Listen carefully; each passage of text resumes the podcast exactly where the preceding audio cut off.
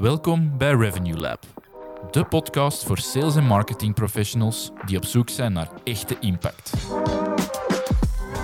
Ik ben Matteo, impact marketeer bij Meteoris. En samen met mijn collega Nico, digitaal strateeg, brengen we elke week concrete strategieën, adviezen en frameworks om je sales- en marketing aanpak te transformeren. Op basis van inzichten uit meer dan 100 cases maken we van jouw organisatie een niet te stoppen marketingmachine. Welkom in ons labo. Oké Nico, hier uh, zijn we weer voor een uh, nieuwe aflevering rond de Revenue Lab. Uh, je had het vorige week aan mij gevraagd, een kersttip of een cadeautip voor de feestdagen. dus voor de mensen die de last minute nog iets zoeken, heb jij nog een, een ideaal boek dat misschien een goed cadeau zou zijn mm. voor iemand die met marketing of met business bezig is? Ja, jij had vorige week uh, positionering hè, in een boek. Hè? Dus, Comparative uh, strategy. Dat zou ik misschien geen pakken daar rond. Uh, misschien eentje die breder toepasbaar is. Uh, ah, en misschien wel een goede om uh, nu te lezen. Ik merk dat heel wat, en niet alleen marketingteams, hè, maar ook gewoon als je bezig bent over je werk en wat je volgend jaar naartoe wilt, dat focus toch wel een belangrijk ehm, thema is, merk ik. focus slash time management enzovoort. en daar heb ik eerder dit jaar, begin dit jaar, wel een toffe boek rond gelezen, en dat is Deep Work. Mm -hmm. Ja. Wat is de auteur? Ja. Cal Newport. Newport, ja. ja denk ik. Ja. Um, maar wel uh, heel fantastisch een boek. Het gaat vooral over um, een, klein, ja, een, een eye-opener, denk ik. Uh, over hoe dat we vaak afgeleid zijn uh, in de dag zelf en hoe dat je met die afleidingen om kunt gaan om ervoor te zorgen dat je het maximale voor jezelf er ook uithaalt. Ja. Uh, en voor je dagdagelijkse werk. Dus um, heel interessant boek. Leest heel vlot. Uh, is ook in audio beschikbaar. Is ook wel tof, denk ik, voor de mensen die het misschien graag in audio beluisteren. Maar uh, absoluut een aanrader om eens terug na te denken over focus en hoe dat je vandaag met, met prioriteiten en vooral afleiding omgaat. Ja, voilà. goeie boek. Een goeie, inderdaad. En volgens mij heeft hem ook een podcast. Dus uh, als ah, mensen ja, ja. grote fan zijn van een boek, heeft hem ook een podcastreeks dat nog dieper op die topic ja, ja, denk ik. Uh, ja, ik denk dat het ook gewoon Deep Work noemt. Maar uh, het is wel... ja, het is, die, die gaat wel heel diep, letterlijk. Het is wel heel erg in detail hoe, dat hem, allez, hoe dat je met bepaalde thema's zou kunnen omgaan. Ik, ik zou eerst een boek aanraden, om daar eerst even de basics, de fundamentals even mee te hebben. Alright, top. Goeie, goeie tip.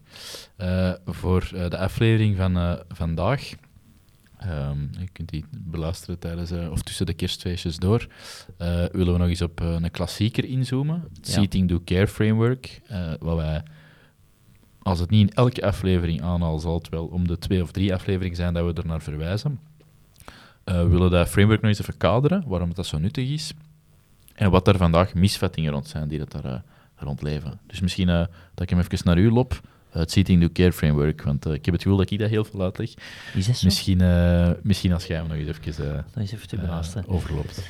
Ja, oké. Okay. we zullen beginnen met wat is het? Hè? En dan um, misschien ook, eerst hebben we dat hebben uitgelegd, nog eens heel kort. Wat zijn de misvattingen die we daar vaak rond zien terugkomen? En ja. ik wil misschien ook nog eens benoemen waarom dat je het zeker zou willen of moeten toepassen, zoiets. Natuurlijk, frameworks, je hebt ze in alle vormen en groottes enzovoort. het komt er eigenlijk op neer dat je een kapstok hebt om eigenlijk die, een, een, een, journey van, van een klant, of een klantenreis, we dat soms zo eens noemen, uh, om dat tastbaar en duidelijk te mappen. En Google heeft een Seating Do Care framework, is eigenlijk uh, van Google zelf, hè, heeft zijn eigen framework, waar dat je gewoon van de eerste fase C-awareness, dat wordt vaak gelijkgesteld met awareness, tot en met een klant die uh, heraanaankopen doet, care, mm-hmm. door de verschillende stappen wandelt. Hè. Dus de eerste fase is C-fase, de breedste fase.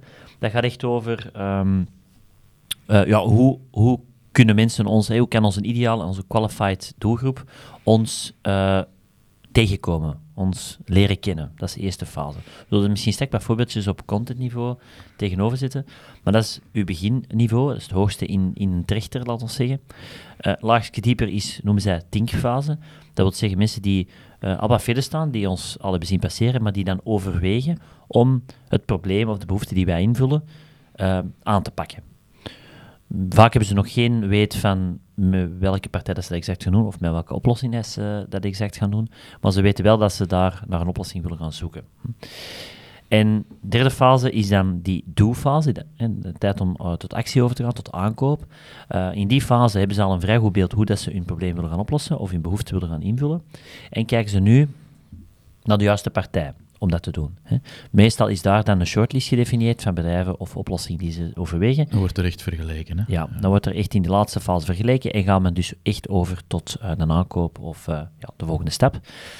En dan daaronder zit nog de care-fase. Dat gaat eigenlijk over uh, alle initiatieven die je zou kunnen doen om je bestaande klanten nog sterkere klanten te maken. Of in ieder geval om te zorgen dat zij over hun merk gaan praten en op die manier nieuwe klanten zouden kunnen uh, aanbrengen, bijvoorbeeld. Hè. Um, dus als op die misvattingen gaan we in die care-fase zeker nog even op inzoomen. Maar dat zijn grosso modo de vier lijnen of de, de vier fases in de trichter die je daar kunt definiëren. Um, vergelijkbaar met een AIDA-model bijvoorbeeld. Ja. Um, het is eerder, en daarom zijn we zo, denk ik, grote fan van dat, het Google-framework. Het is een vereenvoudigde, op een vereenvoudigd framework. En wij zijn wel heel snel fan van uh, hoe meer dat er naar de eenvoud gaat, uh, hoe beter dat we het vinden, omdat het dan voor een breder publiek begrijpbaar is, toepasbaar is. Uh, daarom zijn we heel, uh, heel grote fan daarvan. En ook omdat het heel hard op de intentie is gefocust. Hè. Hoe kunnen we ervoor zorgen dat we gezien worden door hoe kunnen we zorgen dat we relevant zijn voor de mensen die aan het denken zijn aan een oplossing en hoe kunnen we die actiefase en dan uiteindelijk die carefase zo goed mogelijk invullen. Dus die intenties zijn er mooi in vervat, waar dat denk ik de dag van vandaag toch wel belangrijk is om mee rekening te houden in alles wat je, wat je onderneemt. Ja, een goede waar we fan van zijn en die je ongetwijfeld al uh, zult hebben horen vallen. Ja. Um, waar ik tegenwoordig ook wel soms naar verwijs of termen die ik soms gebruik, daarmee dat ik ze gewoon ga benoemen voor de, de, de, de organisaties waar we vandaag mee samenwerken, dat Seating Do Care model zit er voor mij altijd wel in. Maar ik durf tegenwoordig ook soms praten over een out-of-market of out-of-market initiatieven. Of initiatieven richting mensen die out-of-market zijn. En initiatieven richting mensen die in-market zijn. Um, dat is niet iets volledig anders. Dat hangt er ook perfect mee samen. Hè. Dus initiatieven richting mensen die we eigenlijk nog niet kennen. Die misschien heel vroeg oriënterend zijn. Richting mensen die wel weten, oké, okay, uh, ik wil hier stappen gaan zetten. En ik ga concreet beginnen vergelijken en een aankoop doen. Hm. Dus dat is gewoon ja, inwisselbaar of dat is aanvullend, dat is niet iets volledig anders. Uh, dat is nog eens de meer vereenvoudigde versie ja. Maar Seating Do Care, dat gebruiken we het vaak. Heel eenvoudig uh, en heel relevant, denk ik. Nu, het is denk ik nog belangrijker om één is te benoemen uh, waarom kun je dat goed voor gebruiken. Maar voordat we daar starten, moeten we vooral, denk ik, blijven stilstaan bij die misvattingen daar rond. Want ehm, het is wel belangrijk om die misvattingen niet toe te passen, want anders dan is de kracht van het model eigenlijk wel weg. Um, dus ik denk dat we die even eens even kort moeten benoemen en uh, even aanhalen waarom. Ik, uh, ik zal met de eerste beginnen. Ja. Um, eerste misvatting rond dat model, omdat dat, dat is gevisualiseerd als een trechter. Hè? Dus wat je bovenaan je C hebt, hè, dat is de breedste groep uiteraard, de grootste potentieel. En je carefase, dat is dan onderaan de kleinste, omdat je natuurlijk maar uh, x aantal klanten op het einde van de rit overhoudt. Um, het is niet zo dat een potentiële lead, klant, door al die fases strikt door moet. Hè. Uh, het is niet zo dat je iemand in een C-fase uh, moet richten of forceren om dan tot een think-fase te komen en dan tot een do-fase te gaan, om dan uh, keer klant te worden. dat is zeker en vast niet het geval. Um, het is eerder, en denk, en daarom is het misschien we soms verkeerd gevisualiseerd, omdat dat een trichter gevisualiseerd is, omdat uiteraard het potentieel boven is groter dan beneden, in aantal mensen om te bereiken. Maar eigenlijk gaat het meer over lagen. En dat is wat we noemen. Je kunt bij wijze van spreken heel perfect in die thinkfase instromen, uh, om dan naar de doelfase te gaan en om dan terug naar de C-fase te gaan, als je zegt van ik ga toch nog geen stap zetten, ik ga terug naar boven. Dus het is, uh, eigenlijk zou het iets meer als lagen, misschien eerder als, als overlappende hè, uh, cirkels moeten gevisualiseerd worden om het, om, de, om het idee van het framework beter te vertalen.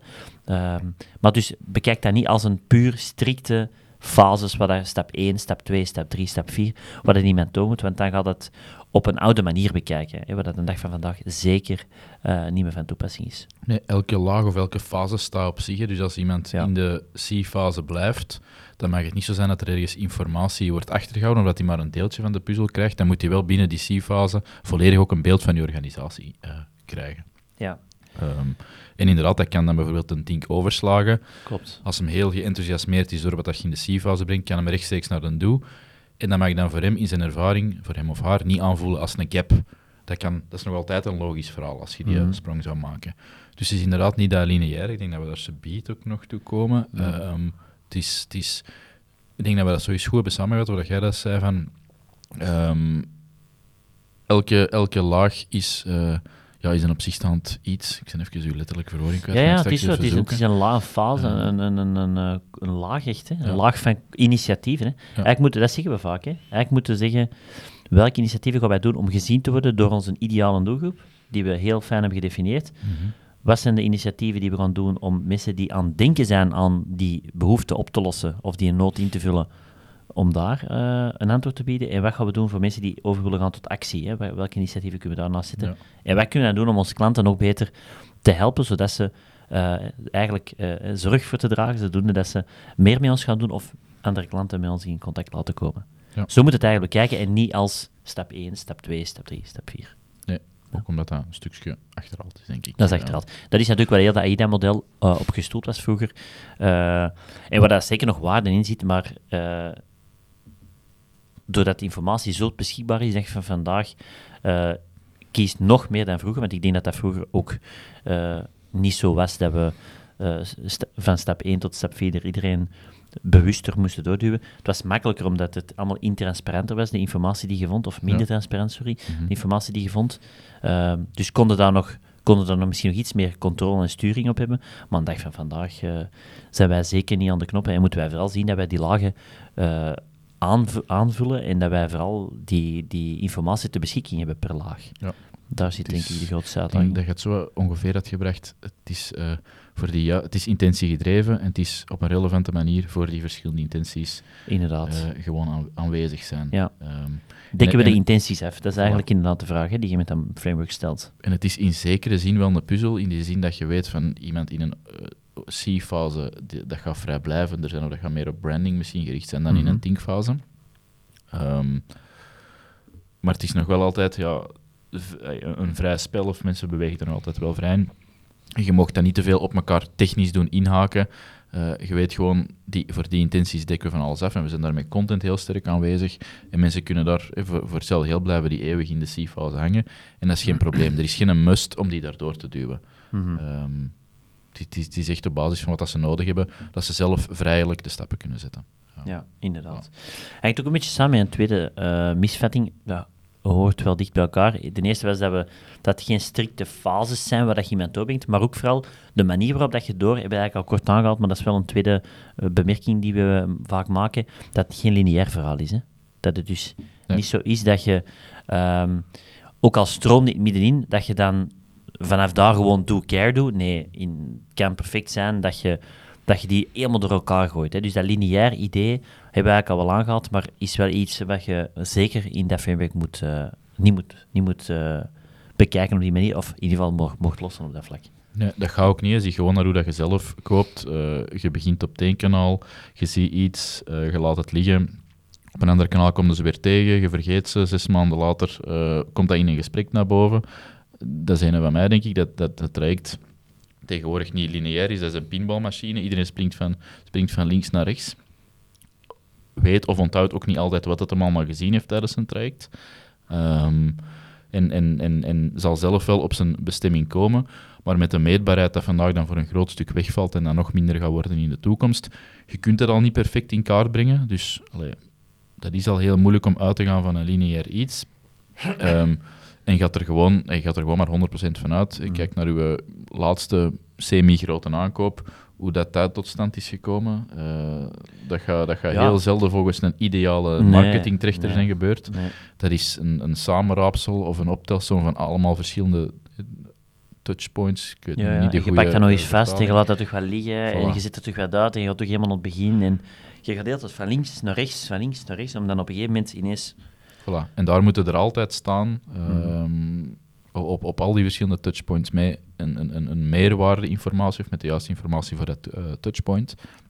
En dan kunnen mensen wel in de juiste richting doen bewegen, maar om te zeggen, we duwen er hier iemand door, ja, dat, dat, dat Nee. kan niet lukken. Ja. Nee, wel, ik, ik heb hier nu eh, op het kantoor eh, toevallig van een collega een goed voorbeeldje gehoord eh, van een onlangs overweging voor een nieuwe racefiets, waar dat hem zei van ja, ik was dan heel diep in die YouTube reviews gedoken van twee, drie merken. Dan zit dat eigenlijk eerst, we dan op, op, op het framework aanhaken, dat zegt tinkfase en dat zit al op de rand van conversiefase.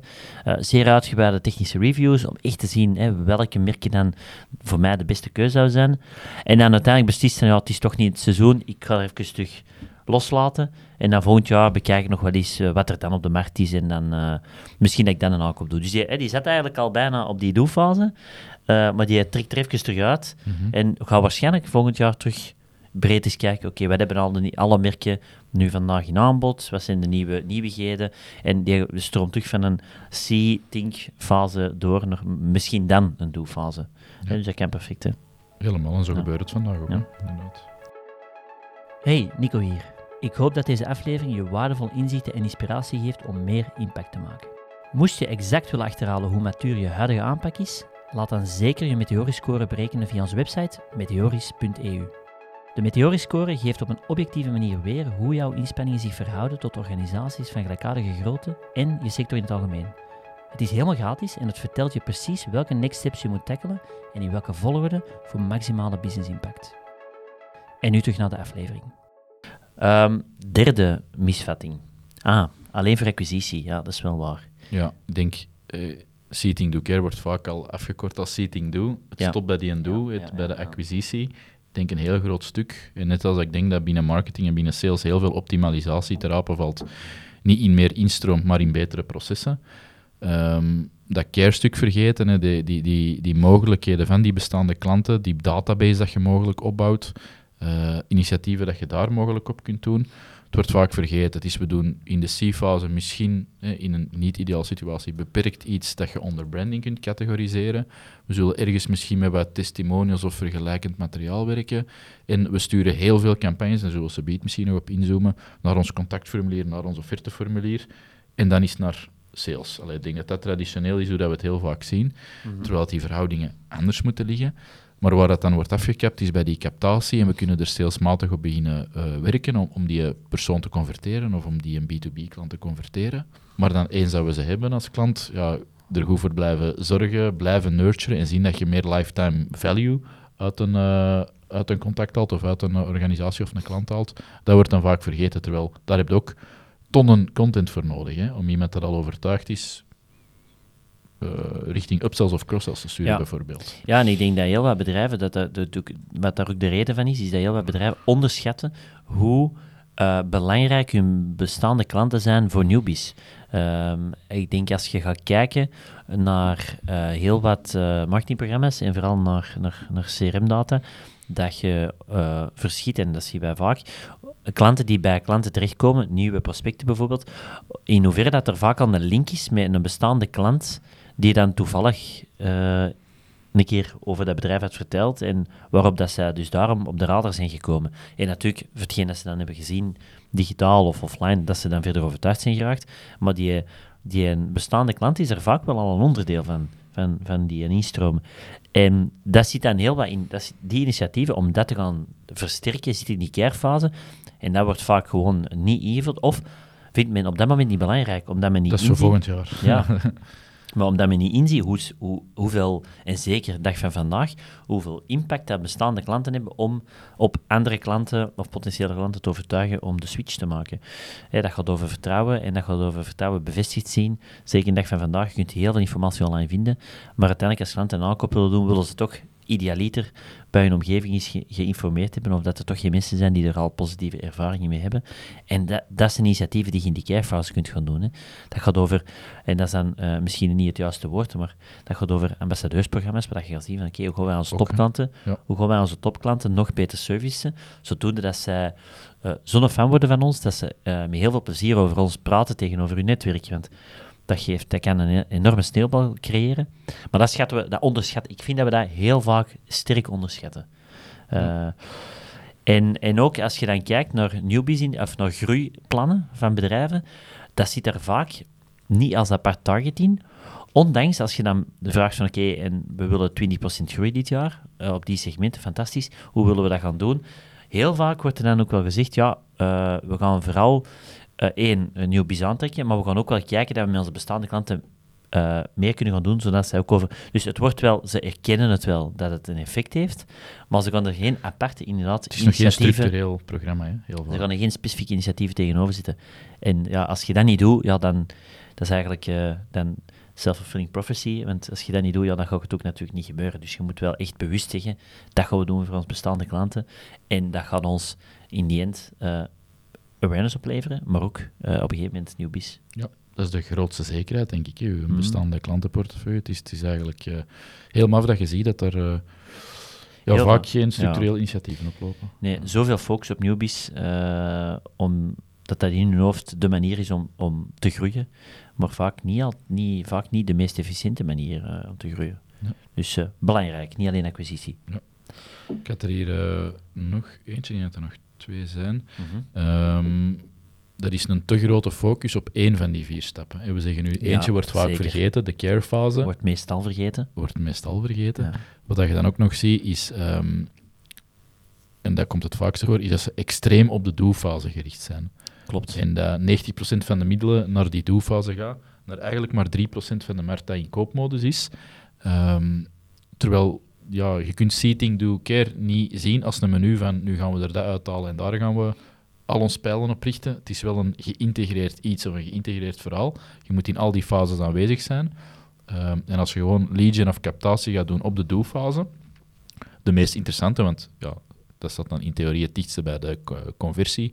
En dat gaat waarschijnlijk het snelste niet opleveren. Maar we zien als je alleen daarop focust en je ziet de ketting niet, en dan ketting niet als een lineair verhaal, maar je ziet de samenhang niet van hè, de mm -hmm. concentrische cirkels of van de, hoe dat je het ook presenteert, ja, dan ga je ook niet het maximale eruit halen. En dan ben je eigenlijk niet meer aan het doen als het, het, het, het, het legion of het captatieverhaal, waar je van weet, het gaat altijd maar duurder worden. Als je niks onderscheidend kunt brengen in die fase, omdat je geen, in de C-fase geen branding hebt opgebouwd of geen, niet aan je merk hebt gewerkt, dan ga je ook geen onderscheidend argument kunnen brengen. Dus dat wordt dat je zei, de self-fulfilling prophecy. Alleen maar uh, focussen op uh, captatie en de do-fase, dat gaat ook alleen maar moeilijker worden. Um. Ja, en ik vind het wel interessant om daar eens wat dieper op uh, te dubbelklikken, even door, door te klikken. Clickbait. Uh, want ik, je kunt u de vraag stellen, waarom, waarom is dat zo? Hè? Waarom is iedereen zo gefocust op de, die do-fase?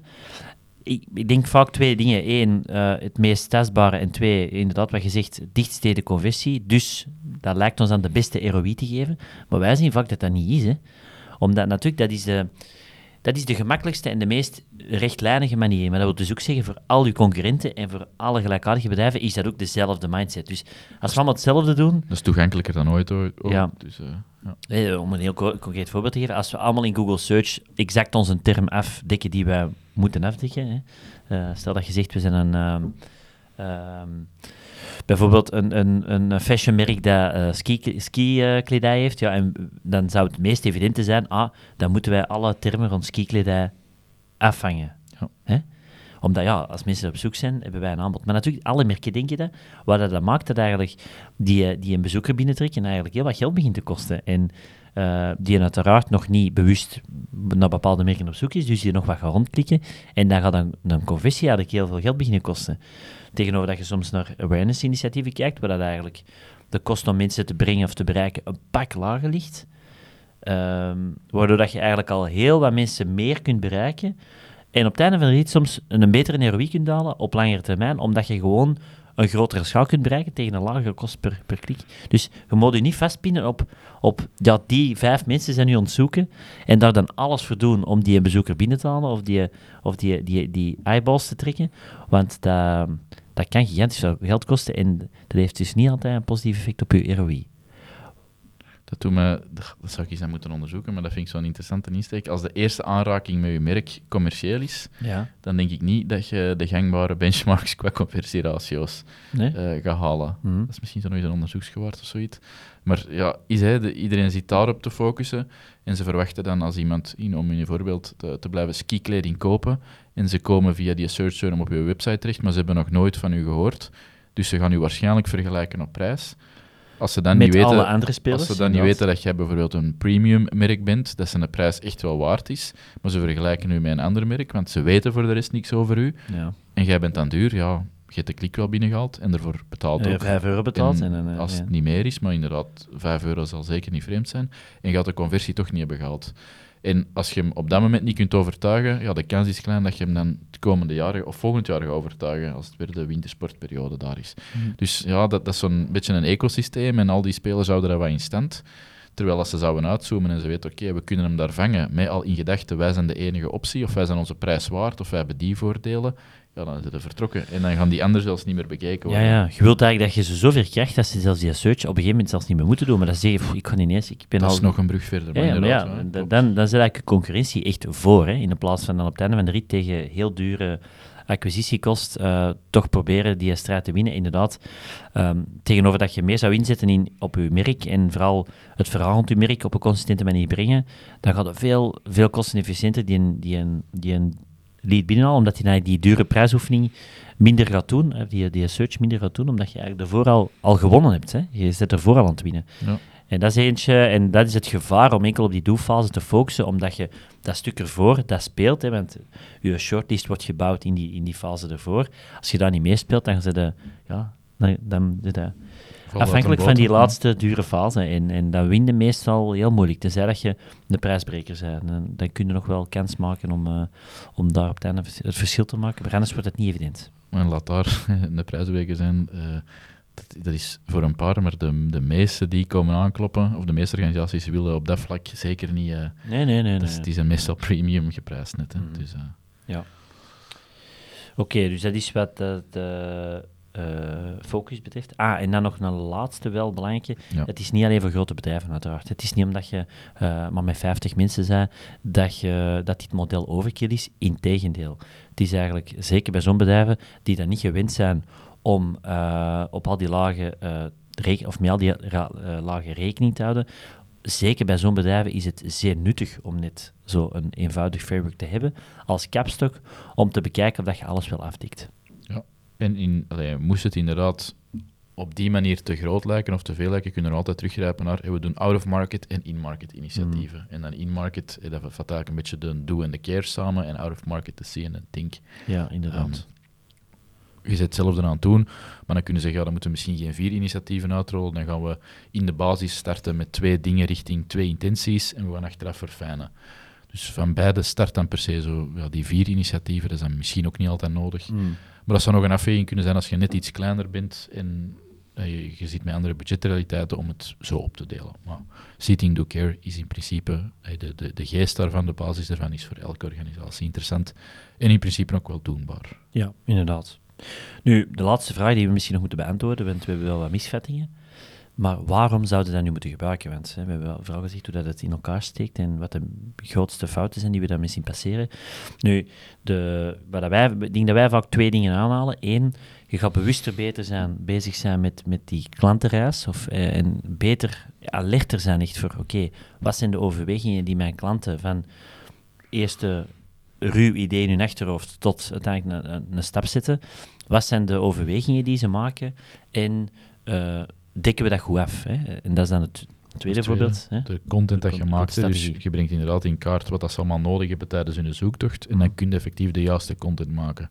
Stel je nu voor dat bij ons zou blijken ehm, dat niemand een podcast luistert, eh, of een marketingpodcast met concrete tips, dan zouden wij dat ook niet doen. Maar we weten dat dat iets is dat, de markt naar op zoek is, of dat onze klanten ehm, graag tot zich nemen. Dus daarmee dat dat heel bewust in onze C-fase een, een asset is, of iets dat we maken van content.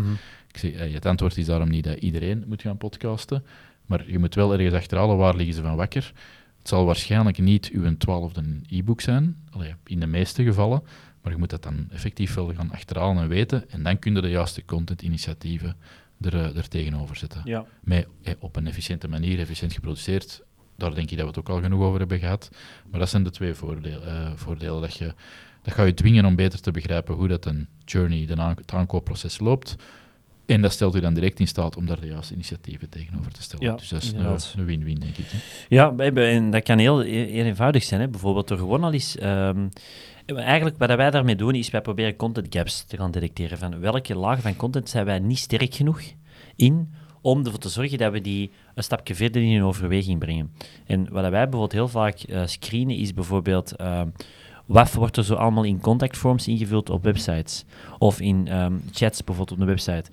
Welke stukken van content eh, vragen ze naar? Bijvoorbeeld, ik, ik mij direct al een productiebedrijf, een Vlaams productiebedrijf inbeelden, waar we in die forms hadden gezien, dat heel wat mensen een beeld wouden krijgen van, maar waar kan ik die producten nu kopen? En ehm, wat, wat zijn de prijzen van die producten? Of de richtprijzen? Of ehm, hoe zitten die net in elkaar? Of hoe moet ik die monteren? Of, en dat zijn wel dingen dat je zegt, ja, maar wacht, als mensen in hun overweging daar naar kijken, dat is wel een laag van content die wij vandaag niet aan kunnen bieden. En waar wij dus mensen hebben die daarop afhaken. Hè. Dus oké, hoe kunnen we dat nog makkelijker maken? Hoe kunnen we zorgen dat die informatie nog makkelijker ter beschikking is, zodoende dat zij weer dat stapje verder kunnen gaan in dat beslissingsproces. En dus probeer daar eens te kijken naar ja, forms en chats die op de website gebeuren en welke vragen worden daar gesteld en hoe kunnen we dan eh, bijvoorbeeld al, en dat is dan vaak voor die think en die do-fase, die eerste aanvullingen gaan doen. Want daar zit vaak het ding, de do-fase is wel goed afgedekt, maar dan dat stapje hoger bijvoorbeeld, of naar beneden, dat zijn dan de, de, degenen die we nog niet hebben. Hè. Ja. Dus probeer eerst dan die think eens verder aan te vullen en probeer dan eens te gaan kijken, oké, en wat kunnen we nu gaan doen om die awareness eh, te, gaan, te gaan opbouwen bijvoorbeeld. Maar probeer het zo wat naar boven te werken. Dat is meestal de, de best practice dat wij zien, van onderuit naar bovenaan. Voilà. Dus eh, ja, voilà, dat is, eh, ik hoop dat veel mensen ermee aan de slag kunnen gaan tijdens de kerst- en nieuwjaarsperiode. Om eens na te denken over eh, of dat ze elke laag wel hebben afgedekt, waar dat de content gap zit en hoe dat ze daar in 2024 concreet mee aan de slag kunnen gaan. hè. Top. En nog als uitsmijter, Ja. op 11 januari hebben wij nog een expertsessie. Dat is voor de eerste keer met een gast erbij. En dan gaan wij eh, ja, Juist. echt de vinger op de wonden leggen. Eh, Vijf, eh, vijf aspecten of vijf vragen die dat je u intern zou kunnen stellen of aan uw collega's. Die dat mogelijkerwijze, wij hopen natuurlijk van niet, uw merk helemaal kunnen onderuit halen als die niet in orde zijn. Dus dat is op 11 januari ook weer op de middag, geloof ik. En dat is met een special guest, gaan we hem benoemen? We gaan hem nog niet benoemen. We gaan hem nog niet benoemen. Je kunt op LinkedIn wel gaan kijken, dus Ja. dat is ineens eh, een, een hoek misschien. Eh, maar dat is wel een leuke, de eerste van het nieuwe jaar. Ehm, dus eh, voor er doorheen te vliegen op 11 januari, eh, ja, nodig ik ja, iedereen dat luistert of kijkt er eh, heel graag voor uit. Fantastisch. Oké, en dan rest er mij nog twee dingen, denk ik. Iedereen een fantastisch einde jaar nog wensen. Ik denk dat we de komende twee weken weer eens de tijd kunnen nemen om even bij het gezin meer te zijn en, te reflecteren voor volgend jaar. Dus heel veel succes met iedereen. Ehm, en moest je dan toch nog tijd hebben, we altijd nog de meteoriscore natuurlijk aanvragen. Dat doen wij nog met heel veel plezier om u 2024 eh, met heel veel voorsprong eh, op gang te helpen. Voilà. Dan sluit ik voor vandaag af, Matteo. Eh, en dan zien wij iedereen heel graag terug volgende week tijdens onze eerste sectoraflevering, denk ik. Yes. Dan gaan we van eerst keer wat dieper in de trends per sector duiken. Dus ook zeer interessant. En moest het niet lukken, dan zien we jullie volgend jaar terug voor de expertsessie. Of horen we jullie uiteraard terug in de podcast. Alvast bedankt en tot snel.